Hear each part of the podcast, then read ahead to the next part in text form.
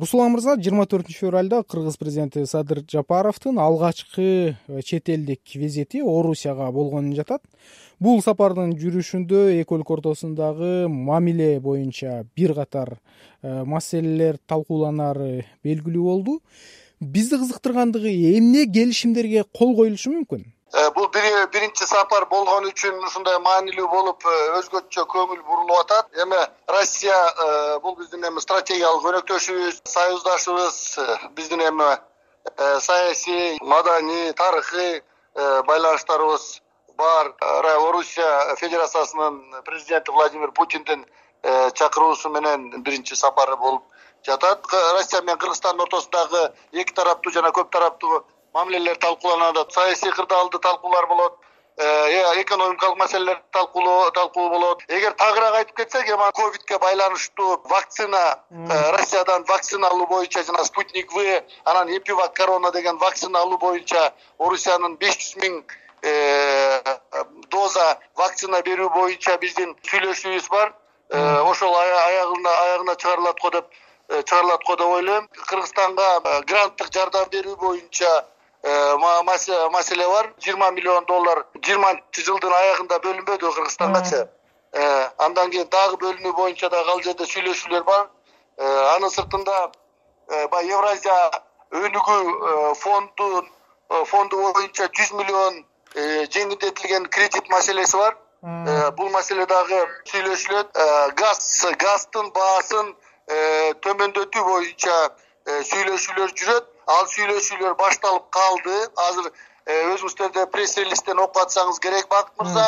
Биздин бир нече министрлерибиз өзүнүн коллегалары менен бир нече күндөн бери тыгыз сүйлөшүүлөрдү жүргүзүп атат москвада. Э, коргоо министри ошол жерде жүрөт э, айstь чарба министри жүрөт ошол жерде транспорт министри жүрөт азыр саламаттык сактоо министри жүрөт. Албетте сиз айтып аткан тармактар маанилүү бирок ошол эле учурда ири э, мындай стратегиялык мааниге долбоорлор боюнча сөз болобу. Мисалы буга чейин орусия э, жогорку нарын гестер каскадын камбар ата бир гэсин куруу боюнча ишти баштап орто жолдо токтоп калган эле. Мына ушул жаатта жаңы президент демилге көтөрөбү болот. Ал гидроэнергетикалык маселелер боюнча да маселелер көтөрүлөт. Эки тараптуу бул баягы камбар ата бир менен баягы жогорку нарын каскаддары боюнча маселелерчи. Эми билесиздер убагында коюлган э, келишим э, түзүлгөн келишим денонсация болуп ал убакта билесиздер баягы э, орусия тарабынан ал проекттер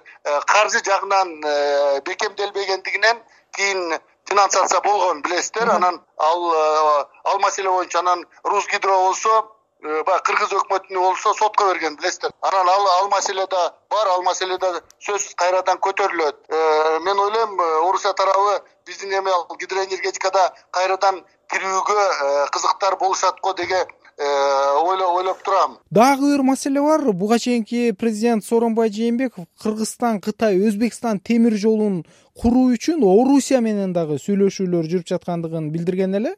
Э, бул жаатта жаңы бийликтин көз карашы кандай болот? Жана орусия менен улантылабы же бул токтобойбу ал маселе бар. Ал маселе да кайра э, талкууланат го деп ойлойм. Э, бул маселе боюнча бул кыргызстан үчүн бир стратегиялык чоң проекттердин бири да. Анан өзүңүздөр билгендей баягы биринчиден баягы кытай менен кыргызстандын ортосунда дагы биздин ар түрлүү ал темир жолдун курулушу боюнча проекттин ар түрлүү варианттары каралып жатпайбы бүгүнкү чейинчи өзбекстан тарабы болсо да алар катышып атышат. Анан орусия тарабы да бул маселеге кызыктар болушкан да. Ошондуктан бул маселе боюнча дагы карайбыз. Бул маселе боюнча да сүйлөшүү болот.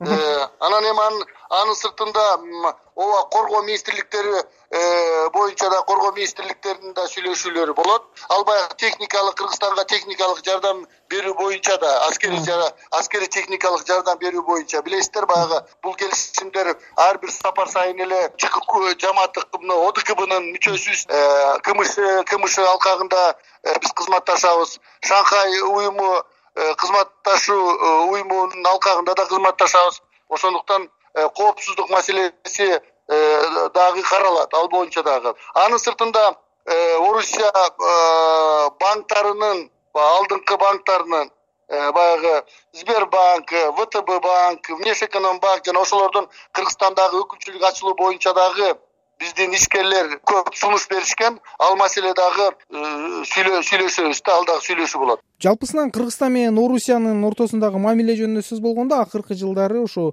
орусиянын аймагында иштеп жүргөн кыргызстандыктар кыргыз мигранттарынын маселеси талкуулоо зарыл болуп калды. Анан визиттин жүрүшүндө жапаров мигранттар менен жолугары белгилүү болду. Бирок орус жетекчилиги менен дал ушул кыргызстандык журтташтардын кандай маселелерине жооп табылып Э, чечилиши мүмкүн? Биздин мигранттардын маселеси ал эми дайыма көтөрүлө турган маселе. Алардын жанагы вакцинациясы боюнча мен баягы өзүм иш сапарым болгондо көтөрдүм эле биздин мигранттардын да вакцинасы. Ошонун сыртында алардын жанагы медициналык камсыздоосу боюнча аларда медициналык ал жердеги сөзсүз медициналык камсыздоосу жок болгон үчүн жергиликтүү мамлекеттик ооруканаларга э, кайрыла албай кыйналып жүрүшөт да биздин мигранттар. Ошол боюнча кайрадан ал маселе көтөрүлөт